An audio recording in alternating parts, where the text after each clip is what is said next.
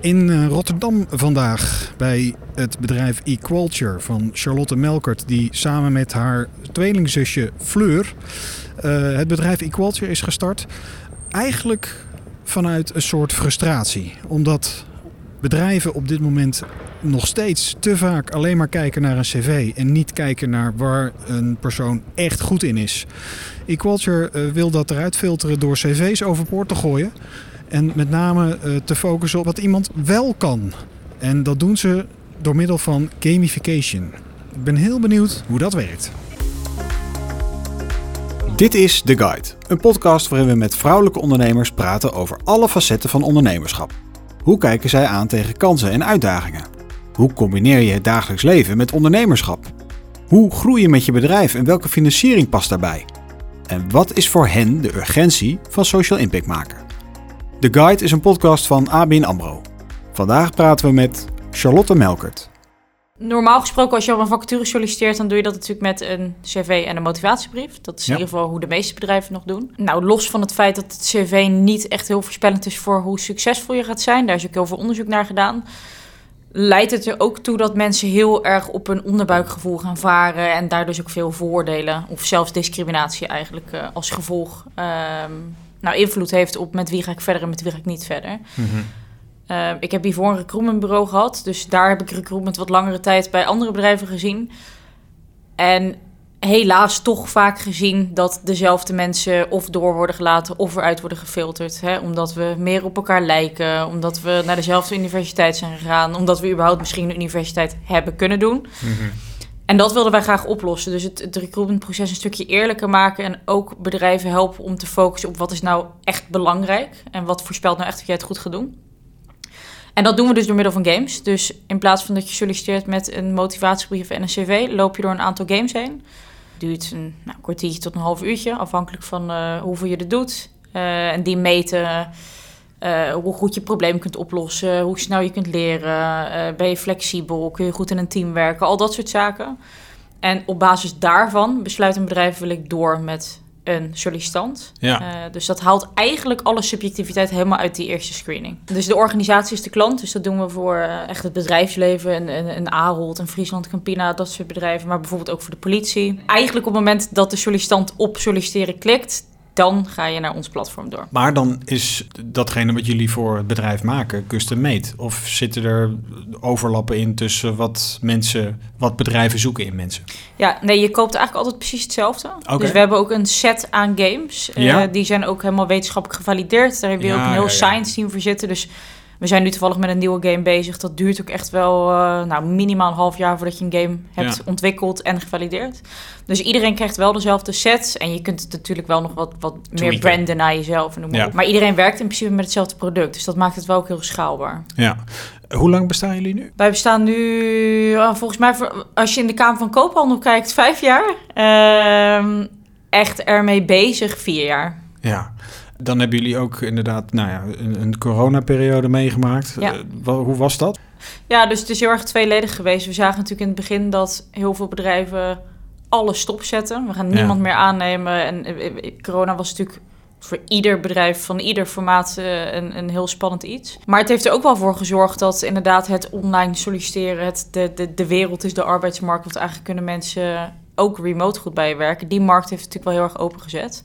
Dus het heeft commercieel gezien onderaan de streep niet zo heel veel voor ons uitgemaakt. Tuurlijk in het begin wat zwaarder, daarnaast weer, uh, uh, weer goed bijgetrokken. Mm -hmm. uh, en ik denk als ondernemer leer je er heel veel van. Ja. Ik denk dat je, ik, iedere ondernemer moet, vind ik, moet eigenlijk, hoe, dat klinkt misschien lullig, maar ik gun iedere ondernemer een crisis vrij vroeg in je bedrijf. Want je leert daardoor wel heel kritisch nadenken over, weet je, hoe zijn mijn processen ingericht? Waar geef ik nou mijn geld aan uit? Is, het, is dat logisch of is dat niet logisch?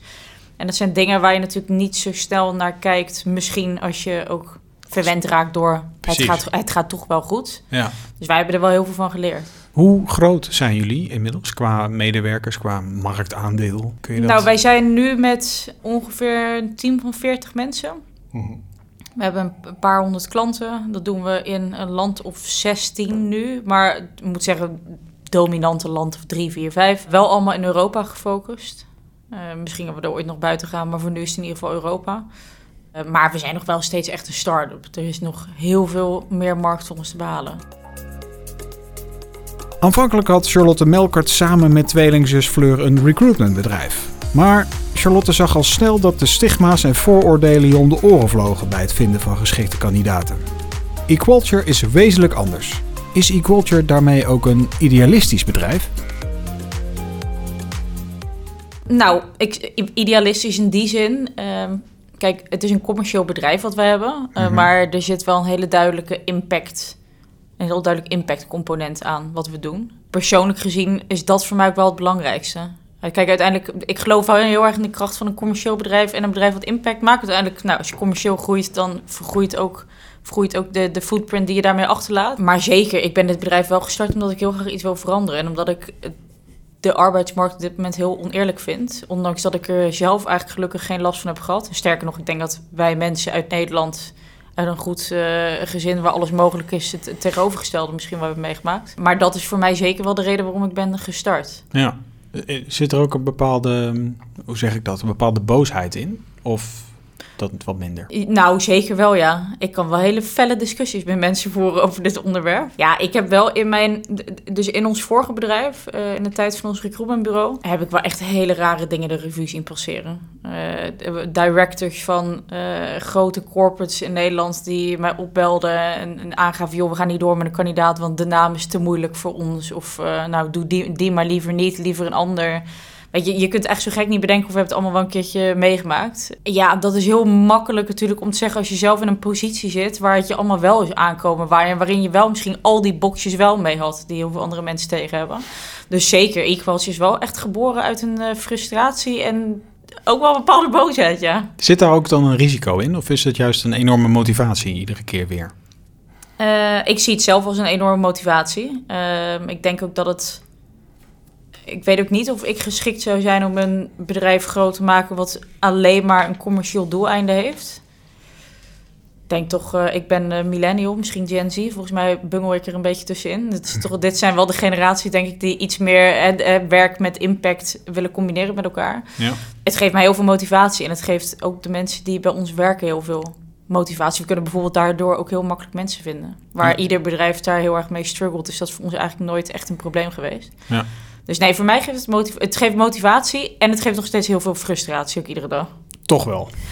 Toch wel, want er zijn nog heel veel bedrijven die toch nog een hele andere mindset hebben dan wij zouden hopen of verwachten. Ja, kun je ons eens meenemen naar dat, naar dat beginpunt, naar, dat, uh, naar, naar het punt waarop jij Equalture hebt, hebt opgericht samen met je zus? Wat, is er een sleutelmoment aan te wijzen? Uh, het sleutelmoment was uh, met een biertje in de kroeg. Wij, de, ik weet het nog heel goed, was in Utrecht. Uh, toen waren we bij een klant voor ons recruitmentbureau best ver met een kandidaat toen in proces gekomen. En ook die kandidaat werd weer afgewezen om een reden die nou ja, heel duidelijk niet ging over of je geschikt bent voor de baan, ja of nee. Uh, en toen ben ik met, uh, met Fleur, mijn tweelingzusje, en zij was ook de co-founder van, van ons vorige bedrijf. Uh, zijn we een biertje gaan drinken. En toen zei ik tegen haar van... joh, als dit, als dit is hoe het werkt... dan moeten we hier maar misschien mee stoppen. Want volgens mij gaan wij met dit recruitmentbureau... echt het verschil niet maken. En wij probeerden altijd dus juist ook de kandidaten... een beetje naar voren te schuiven... die niet dat perfecte cv hadden. Uh, en toen zei ik... Ik had dus altijd ook al tegen Fleur gezegd... het lijkt me op een dag wel leuk om een meer een techbedrijf te hebben in plaats van alleen maar een servicebedrijf. Ja, ik vind technologie heel boeiend. Ik vind de schaalbaarheid van technologie heel tof. En toen zei ik tegen joh, kunnen we niet een manier bedenken om uh, kandidaten op een andere manier voor te stellen aan bedrijven, waardoor je verplicht bent om eigenlijk langs die voordelen heen te kijken. Nou ja, en die avond zeiden we laten we dat gaan uitzoeken. En sindsdien uh, zijn we dat gaan uitzoeken. Ja, en uh, nou ja, fast forward naar 2022. We staan nu hier. Het is echt een techbedrijf. Ja. Gecombineerd met uh, recruitment. Je hebt net al in het beginstukje heel even verteld over dat het wetenschappelijk bewezen is. Ja. Uh, dus er zit, er zit een enorme gedachte achter. Wat, wat komt er allemaal wel niet bij kijken bij dit bedrijf? Ja, veel. Dat zouden mensen. Ik denk dat heel veel mensen dat heel erg onderschatten als ze bijvoorbeeld naar de games in ons platform kijken. Want het ziet er natuurlijk allemaal heel leuk en playful uit. En je doet het op je mobiel en het gaat snel. Maar als je ziet wat wij, uh, wat wij hiervoor, ja, wij noemen het RD-team. Dus daar zit dan het productteam onder en het science-team. Als je ziet wat daar allemaal achter de schermen gebeurt voordat zo'n game klaar is om het platform op te gaan. Het is heel tof hoor. Het zijn hele toffe trajecten. Uh, maar ook zeker iets waar ik niet altijd even veel verstand van heb. Dus ik ben heel blij dat ik daar hele goede mensen voor in mijn team heb. Maar daar zit wel echt heel veel achter, ja. Ik, vind ook, ik ben wel heel trots op hoe we dit ook hebben gebouwd en opgezet. We hebben ook vanuit een ethisch perspectief, vind ik, ons science team kijkt heel streng naar is wat we doen goed genoeg. Uh, weet je, ja, uiteindelijk wijzen we er wel mensen op af of laten we de mensen op door. Ja. Dus vanuit dat perspectief moet het natuurlijk ook wel echt heel goed zijn. Ja. Maar dat is veel ingewikkelder dan dat mensen denk ik van de buitenkant denken. Ja. Uh, je noemt al R&D-team, uh, wetenschappelijk. het moet onderbouwd zijn. Ja.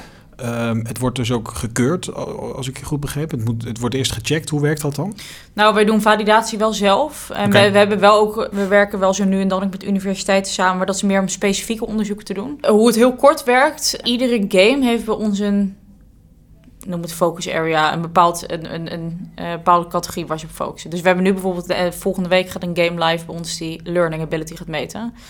Wat we dan doen is we, we beslissen, nou wat gaan we meten? Nou, dat was in dit geval learning ability. Dan zoeken we eerst, is er al een bestaande taak in de psychologie die gevalideerd is? Uh, en hoe kunnen we dat omzetten naar een game? En zodra dat is gebeurd, dit is even een vogelvlucht hoor, mm, maar ja, ja, ja. zodra dat is gebeurd, laten we uh, een groep participanten eigenlijk door zowel de game heen lopen als het de gevalideerde taak die er al vanuit de psychologie is. En kijken we, komen die, komt dat met elkaar overeen? Noem je construct validiteit. Dus meten we, komt dezelfde uitkomst uit onze game als uit de gevalideerde taak? Ja. Nou, en als dat zo is, dan worden natuurlijk nog heel veel studies achteraan gedaan om ook te kijken, zit er enige invloed van leeftijd, geslacht, etnische achtergrond, noem maar op. En als dat, uh, als dat allemaal goed is, dan wordt er een rapport over geschreven zet onze head of science er een krabbel onder en dan mag hij uh, dan mag hij live. Wat is het grootste stigma dat je bent tegengekomen in, in recruitment? Dus wat, wat, waar ging het het meeste mis? Welke kandidaten zijn er het meest verloren gegaan in jouw ogen? Nou, ik denk toch wel de, de, de ik wilde zeggen cliché-categorie, maar dat is niet helemaal het goede woord. Maar wat ik, ik, ik heb culturele discriminatie echt heel veel gezien. Echt letterlijk mensen die op huidskleur zijn afgewezen. Mm ook heel veel gezien dat bijvoorbeeld vrouwen vaak voor rollen worden afgewezen. Met name als ze een beetje begin 30 zijn. Want dan uh, zullen ze wel zwanger gaan worden en kinderen krijgen en parttime gaan werken. Dat is natuurlijk ook zo'n standaard beeld wat iedereen, uh, iedereen heeft. En wat voor heel veel vrouwen tegenwoordig niet meer klopt. Wat is de grootste uitdaging die jullie hebben uh, gehad met jullie bedrijf? Ik denk dat de grootste uitdaging was en is. En ook blijft overigens. dat Kijk, we zijn wel een, we zijn een techbedrijf, we zijn een SaaS-oplossing. Je koopt in principe een een licentie van ons platform. Uh, maar het is natuurlijk niet, het is niet even een product wat je koopt. Wij gooien eigenlijk je hele workflow om. Uh, dus de, nou ja, recruitment raakt heel veel mensen binnen een bedrijf. Niet alleen een recruitment team, maar ook alle managers die mensen aannemen. Ga die maar eens allemaal vertellen dat het, cv waar iedereen aan gewend is. Ja, ga die mensen maar eens vertellen. Wij gaan het vanaf, vanaf vandaag gaan wij het helemaal anders doen. Weet je, de, de, ze zeggen niet voor niks old, old habits die hard. Dat er zit een heel groot stukje change management aan onze tool vast. En dat hebben we in het begin heel erg onderschat. Toen dachten we, nou, we verkopen het product en dan kunnen mensen er lekker zelf mee aan de slag. En we merken nu wel dat we echt heel veel handholding nog wel moeten doen en trainingen moeten geven. En dat dat wel echt bepaalt of het product goed landt binnen een bedrijf. Nou, je noemt net zelf al uh, het stigma wat er rond uh, vrouwen hangt. Is dat ook een stigma wat er rond vrouwelijke ondernemers hangt? Ik denk dat er wel stigma's onder vrouwelijke ondernemers hangen, ja. Ik heb er gelukkig zelf niet zo heel veel mee te maken gehad. Maar uh, goed, ik denk vooral vrouwen die financiering ophalen. Daar hoor je natuurlijk, nou goed, daar zijn vele onderzoeken over uitgebracht. Dus die liegen er ook niet om. Nee ik denk zeker wel dat die stigma's er zijn, ja. En vind jij dat voor jou een enorme uitdaging of heb je dat niet zo? Nee, omdat ik... Ja, het is heel makkelijk om te zeggen, omdat ik me daar gewoon niks van aantrek. Maar ik trek me er ook echt niks van aan. Ik ben misschien ook wel wat harder in dat opzicht. Mm -hmm. uh, maar bij mij levert dat een hele tegenovergestelde reactie op. Dus ik schrik niet van dat soort dingen. Maar bij mij gaat dat vuur heel erg van aan. Uh, dus ik bedoel, wij hebben ook veel investering voor dit bedrijf opgehaald. We hebben ook met genoeg witte mannen van 50 plus jasje dasje gezeten die ons heel graag wilden vertellen hoe het, uh, wat wij allemaal anders moesten doen. uh, maar als je dat bij mij doet, dan, dan wakker je daar juist heel erg mee aan. Dat ik denk, nou, ik zou juist bewijzen dat het niet zo is. Dus ja, dat ligt heel erg aan je persoonlijkheid natuurlijk, hoe je dat opvalt. Maar ik vind, kijk, dat, misschien maakt het voor mij ook anders, omdat ik natuurlijk vanuit mijn werk in zoveel invalshoeken oneerlijkheid heb gezien dat dan, ja, hetgeen wat wij af en toe wel eens hebben meegemaakt, dat valt daarbij helemaal niet natuurlijk. Dit bedrijf dat, dat uh, bestaat bij de gratie van jouzelf en van uh, jouw zusje. Uh, hoe is dat? Want er wordt aan de ene kant wel eens, ook wel eens gezegd van met, met familie moet je wandelen en niet handelen. Ja, klopt. Daar waren mijn ouders niet per se blij mee toen we dat voor het eerst vertelden. Ik denk wel dat een tweeling dat iets anders maakt. Omdat Fleur en ik waren eigenlijk al beste vrienden voordat we dit bedrijf hadden. Uh, wij hebben wel echt aan, een half woord genoeg en dan, dan weten we al wat, uh, wat er aan de hand is. En we hebben allebei wel hele andere verantwoordelijkheden binnen dit bedrijf. Dus we zitten, Fleur is heel erg gericht op de commerciële kant van dit bedrijf. Ik ben meer gericht op, uh, nou ja goed, nu iets breder. Maar vooral in het begin was ik veel meer gericht op productenstrategie. Dus we hebben ook wel echt allebei iets heel anders wat we doen in het bedrijf. Ja, ik vind het heel prettig. Maar ik weet dat er inderdaad uh, dat veel, ook veel investeerders vonden, hebben dit wel een risico gevonden. Ja.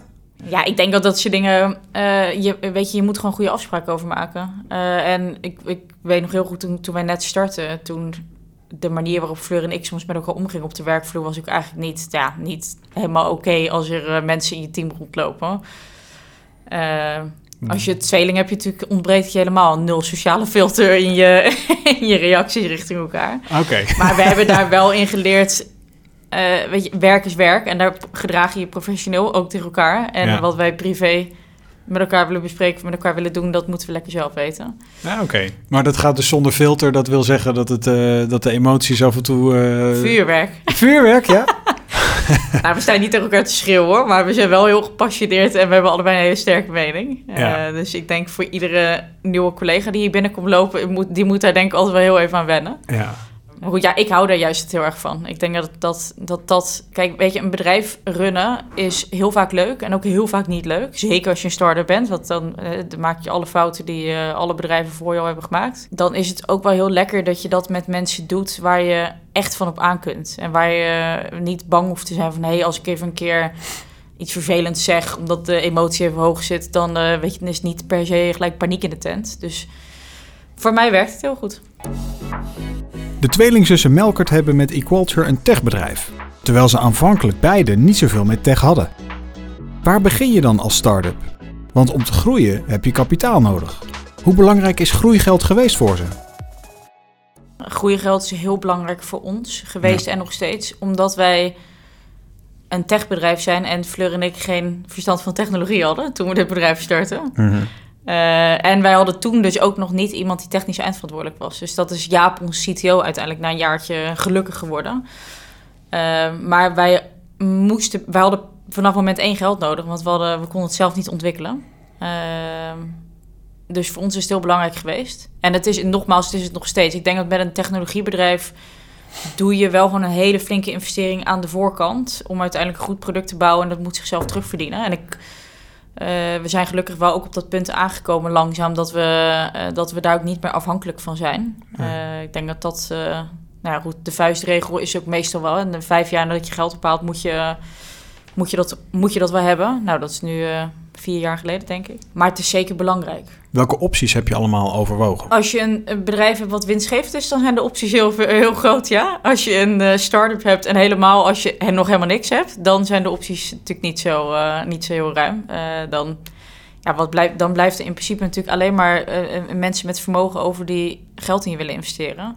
En als je natuurlijk wat langer bestaat, dan kom je bij fondsen uit. Ja. Uh, en als je dan nog wat langer bestaat en je draait uh, zwarte cijfers, dan kun je uiteindelijk aan leningen gaan denken. Maar dat, die opties die beginnen natuurlijk wel heel beperkt als je net start. Uh, crowdfunding hebben wij wel even naar gekeken, maar al heel snel weggelegd. Omdat, ik, omdat mijn perceptie van crowdfunding, ik weet niet of ik daar nu nog steeds mee eens ben, maar toen vond ik dat echt heel erg een B2C-product, mm -hmm. niet per se B2B. Nee. Nou goed, nou zie ik wel dat denk ik de meest succesvolle crowdfunding campagnes komen iets meer van B2C af. Ehm, dus dan kom je, nou ja, dan kom je in de hoek van uh, in ons geval angel investors uit. Nou, dan heb je nog wel de route natuurlijk. Ga ik die meteen aandelen geven of, uh, of via een lening doen of uh, een converteerbare lening of whatever. En wij hebben er toen wel voor gekozen om dat direct in de vorm van aandelen te doen. Ook om een beetje commitment te krijgen van iemand die zo'n heel traject al wel eens een keertje eerder heeft gedaan. En die we ja, ook wel eens op kunnen bellen als we even ergens tegenaan lopen. Ja. En ik moet er ook heel eerlijk bij zeggen, overigens, dat ik echt compleet onwetend was hoor, toen ik naar geld op zoek ging. Volgens mij heb ik letterlijk gegoogeld hoe haal je geld op voor je start-up. En toen ben ik op een gegeven moment bij de ABN AMRO terechtgekomen.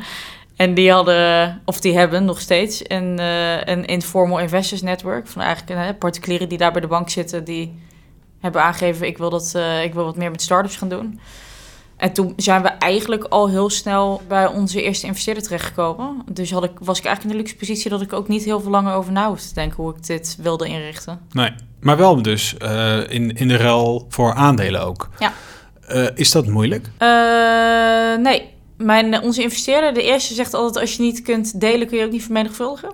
En daar geloof ik wel heel erg in. Natuurlijk, ieder ondernemer zou in de ideale situatie 100% eigenaar van zijn of haar bedrijf willen zijn. Maar ik denk dat je ook gewoon moet accepteren dat als je een bedrijf start waar kapitaal voor nodig is en je hebt dat kapitaal zelf niet, dat het gewoon part of the deal is. Dus nee, ik vind dat niet. Ik vind dat niet moeilijk. Het helpt natuurlijk ook om je bedrijf iets sneller te professionaliseren. Uh, je bent wel verplicht natuurlijk om te rapporteren, om wat, hè, wat meer vooruit te plannen. Dus ik denk dat dat voor ons wel heel goed was. Want wij waren 21 volgens mij toen we het bedrijf starten. Nou, toen had ik natuurlijk echt nog geen idee van een, een bedrijf bouwen en, en wat er allemaal bij komt kijken. Uh, dus ik denk dat het je ook wel goed scherp houdt als je, als je vroeg in je bedrijf de investeerders aan boord haalt. Ja, uh, maar heb je dan voor je gevoelsmatig nog wel de controle? Ja, zeker. Uh, en dat is natuurlijk ook hoe hard je zelf gaat staan voor de voorwaarden waar je een investering binnenhaalt. Ik bedoel, het feit dat je aandelen weggeeft, betekent natuurlijk niet dat je ook met alle andere aspecten akkoord hoeft te gaan. Ja. Dus ik zou wel altijd mensen aanraden. Uh, ook al vind je, denk je dat hè, dat is veel te duur, daar heb ik het geld niet voor. Neem altijd vanaf dag één een advocaat aan de arm die alleen maar voor jou vecht. Want aandeelhoudersovereenkomsten zijn heel veel pagina's met heel veel kleine lettertjes en heel veel moeilijke dingen. Ja. Uh, dus verdiep je er goed in en laat iemand je ook goed uh, uh, adviseren in wat wel te doen, wat niet te doen. dus nee, ik voel zeker nog wel dat ik de controle over mijn eigen bedrijf heb. Wat is voor jullie nu, nu jullie volgende stap, jullie volgende doel? Om, nou, ons vol, korte termijn break-even draaien. Uh, daar zitten we nu redelijk dichter aan. Uh, dus dat vanuit financieel oogpunt is dat het volgende doel. En dan uiteindelijk kijken, hè, wat, wordt de, wat wordt strategie? Misschien is de, de strategie lijkt voor veel startups misschien in de eerste plaats op een gegeven moment word je overgenomen. Maar misschien kun je zelf ook wel op een gegeven moment bedrijf gaan overnemen die goed op je product aansluiten. Dus dat is denk ik nog een belangrijke keuze die wij moeten gaan maken. Ehm, en daarnaast gewoon heel hard doorgroeien. Met name internationaal, want in Nederland hebben we een goede naam. Ik denk in, in veel andere landen kan dat nog veel beter. Uh, dus internationaal doorgroeien zou voor mij zeker wel de grootste volgende stap zijn. Oké, maar daar heb je waarschijnlijk ook wel weer dan kapitaal voor nodig. Ja, alleen als je natuurlijk in de positie zit dat je winstgevend bent, dan verandert het spelletje van onderhandelen natuurlijk ook wel weer uh, enorm. Uh, Zei je met een glimlach. ja.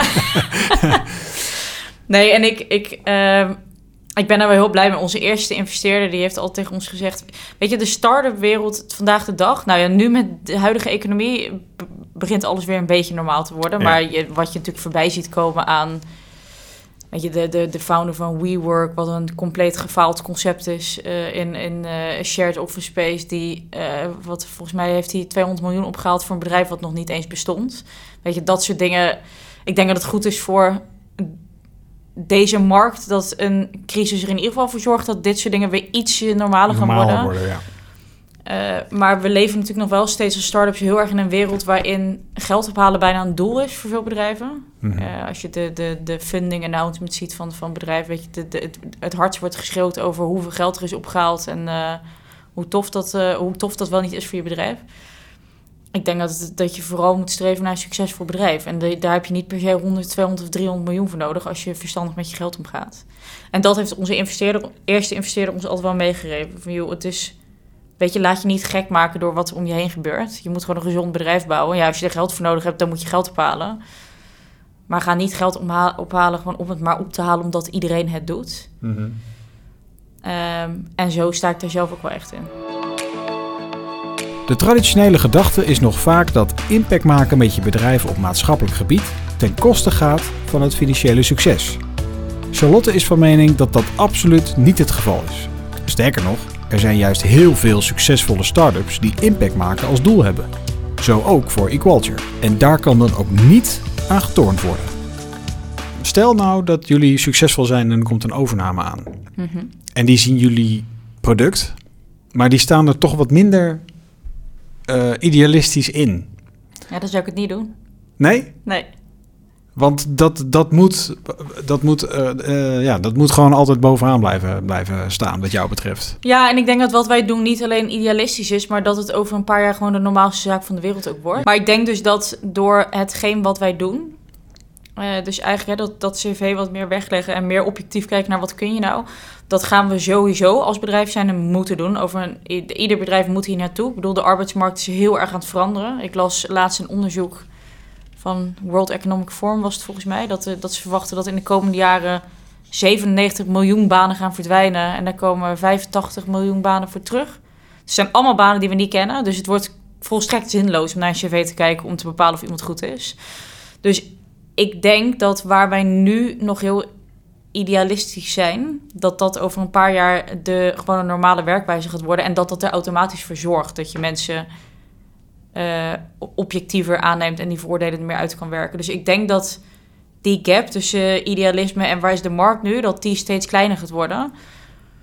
Uh, betekent niet dat ik. Uh, betekent wel nog steeds dat ik niet zomaar mijn bedrijf zou verkopen, inderdaad, aan een willekeurige partij die hier alleen maar gewoon veel geld in ziet. Nee, maar als ik het zo hoor, dan je noemde net even unicorn. Volgens mij staat dat voor een start-up dat doorgroeit naar 1 miljard aan uh, omzet, toch? Of zoiets? Ja, je moet groot dromen. Je moet groot dromen. maar als ik jou zo hoor, dan uh, liggen er nog legio kansen voor jullie. Ja, zeker. Dus ik zie dit bedrijf ga ik niet verkopen in de komende jaren, nee. Nee, oké. Okay, nou, nee. staat genoteerd. zie jij jouw bedrijf dan ook als een, echt als een duurzaam bedrijf? Ja, zeker. Ik denk wel dat wij... Um, wij lopen wel structureel iedere keer een beetje voor op de trend. Uh, en dat maakt het enerzijds natuurlijk heel uitdagend. Dat is natuurlijk altijd wel makkelijk ook als je op een trend mee kan varen. Want nu zijn wij zelf heel vaak deuren aan het openbreken. Maar je loopt wat sneller er binnen als de deur al open staat. Uh, maar wij zijn wel continu bezig met innoveren. En ik denk dat je ook nooit lui moet worden en moet denken, nou het product is er nu wel, dus weet je, dit staat, dit houden we lekker zo. Hoe, hoe zijn jullie daar zelf mee bezig? Nou, gewoon heel kritisch om je heen blijven kijken. Weet je, en het, het, lossen wij nog steeds met het product wat we hebben, het probleem wat we op willen lossen? Of zijn we, de, de, maken we soms een gekke zijsprong en blijkt dat helemaal niet te zijn wat we zouden moeten doen? Of weet je, zien we, zien we ontwikkelingen om ons heen waar we iets mee moeten? Ja. Uh, nieuwsgierigheid niet verliezen. Ik denk dat dat het met name. Nieuwsgierigheid niet verliezen en zorgen dat je niet alleen je product vanuit je eigen bril ziet, maar ook vanuit de bril van een buitenstaander blijft zien. Ja, en hoe, hoe doe je dat? Nou, heel veel onderzoek doen, heel veel met klanten spreken. Uh, ik probeer, uh, ik heb denk ik nog steeds iedere klant die we hebben persoonlijk een keer gesproken. Ik weet niet voor hoe lang dat nog mogelijk blijft, maar voor nu, uh, voor nu doe ik dat in ieder geval nog wel. Ehm, ja, en elkaar gewoon blijven challengen op Weet je, zijn we het juiste aan het doen? Uh, en we hebben hier gelukkig heel veel mensen rondlopen met een ijzersterke mening. Uh, dus dat helpt ook. En verder, uh, als persoon, als individu, ben je ook bezig met duurzaamheid? Ja, al denk ik als je het heel zwart-wit zou bekijken, te weinig. Ik, ben, ik maak me wel druk om, om dit soort topics. Of het, het, bij mij zijn die interesses heel breed hoor. Dat kan gaan van, nou, het, uiteraard het topic waar we mee bezig zijn. Maar ik vind het eh, klimaat ook iets waar mensen zich veel drukker om zouden moeten maken dan wat ze eigenlijk doen. Maar ik weet niet of ik het voorbeeld ben van hoe het zou moeten. Ik denk ook dat het bij heel veel mensen toch nog wel een stukje educatie ontbreekt over hoe je je leven nou op zo'n manier kunt inrichten dat ook het beste is voor de planeet en de mensen om je heen. Maar het, ik, het is wel zeker iets waar ik veel mee bezig ben. Uh, ja, zeker. Ik probeer mezelf er wel, ik probeer mezelf er wel goed in in te lezen. Ik voer eindeloos discussies met vrienden en familie over dit soort topics. Die worden er af en toe uh, heel gek van. Uh, en ik, ik merk sowieso wel dat mijn, mijn intrinsieke motivatie ligt wel heel erg bij iets wat impact maakt. Nou ja, gooi dat even op de categorie uh, duurzaamheid. Mm. Uh, dingen die ik oneerlijk vind of waarvan ik niet snap dat andere mensen de urgentie daar niet van begrijpen. Dat zijn wel vaak de onderwerpen waar ik heel erg op aanga. Dus ik probeer zeker wel mijn steentje bij te dragen. En na te denken over, als het over het milieu bijvoorbeeld gaat. nou, ik ben vegetariër, hoe scheid ik mijn afval? liefst één keer per jaar vliegen en niet meer uh, als het om een topic gaat wat, wat wij zelf doen, wat, wat we met het bedrijf doen, continu de discussie wel met mensen aangaan. Als ik mensen iets hoor zeggen van ik denk, dit kun je eigenlijk anno 2022 niet meer zeggen. Dus vooral er ook veel over praten. Ik denk dat dat uh, in ieder geval een goed startpunt is. Ja, Maar volgens mij haal jij jouw uh, ondernemersmotivatie best wel uit dit soort topics. Ja. Dus het zou maar zo eens kunnen zijn dat als hierna nog een, ander, een, een bedrijf volgt, een ander bedrijf wellicht, een andere sector wellicht, maar dat het toch uh, duurzaamheid of impact maken, dat dat, dat dat sowieso wel raakt. Ja, dat zal het sowieso wel zijn. Mensen noemden mij vroeger altijd al een moraalridder. Dat is natuurlijk eigenlijk geen positieve term. Uh, dan, nou, dat betekent wel dat je iets te vaak je, je mening probeert te geven. Ja. Uh, maar zeker, ik, ik, uh, ik haal hier heel erg mijn energie uit. En ik vind ook dat je mensen best mag aanspreken op... Hey, dit zou je ook anders kunnen doen. Hartelijk dank uh, voor je tijd en voor dit gesprek. Tot slot, wat is de belangrijkste tip die je aan andere vrouwelijke ondernemers kan meegeven? Of wat is de beste tip die jij in jouw ondernemersleven hebt gehad? Weet je, de beste tip die ik in mijn ondernemersleven heb gehad? Gewoon, gewoon, gewoon gaan. Niet dat ik, ik, ik, ik hou er ook eigenlijk helemaal niet van als ik dat labeltje vrouw zelf krijg. Ik vind dat we daar benadrukken we ook heel erg die, die problematiek bij die er nog is. Gewoon gaan en waarschijnlijk ga je drie keer op je bek en dan gaat het de vierde keer wel goed. Uh, iedereen maakt fouten, dus dat, dat, uh, dat ligt niet aan of je man, vrouw, jong of oud of uh, waar je vandaan komt. En, en vrouwen mogen wel iets trotser zijn op wat ze doen, het iets meer uitdragen. Dat is wel het grootste verschil misschien wat ik tussen mannen en vrouwen zie in de, ondernemings, de ondernemerswereld. Mannen kunnen heel erg opscheppen over wat ze doen. En ik denk dat het heel belangrijk is. Hè? Zeker als je een starter bent, moet je je er ook gewoon een beetje doorheen bluffen, helemaal aan het begin. Mm-hmm. Ik denk dat vrouwen vaak iets te conservatief zijn in successen delen en gewoon gaan staan en je verhaal, verhaal gaan vertellen. Dus Weet je, de, als je trots bent op je bedrijf, ik neem aan dat iedereen die een bedrijf heeft dat is, want anders dan uh, heb je het ook niet. Daar mag je best ook met wat bombarie over praten richting de wereld. Dankjewel. Graag gedaan. Dit was The Guide, een podcast van ABN AMRO. Met The Guide laten we vrouwelijke ondernemers aan het woord over alle facetten van ondernemerschap. Ben jij benieuwd naar andere afleveringen? Abonneer je dan op deze serie. Of ga naar financialfocus.nl om het boek The Guide gratis te bestellen.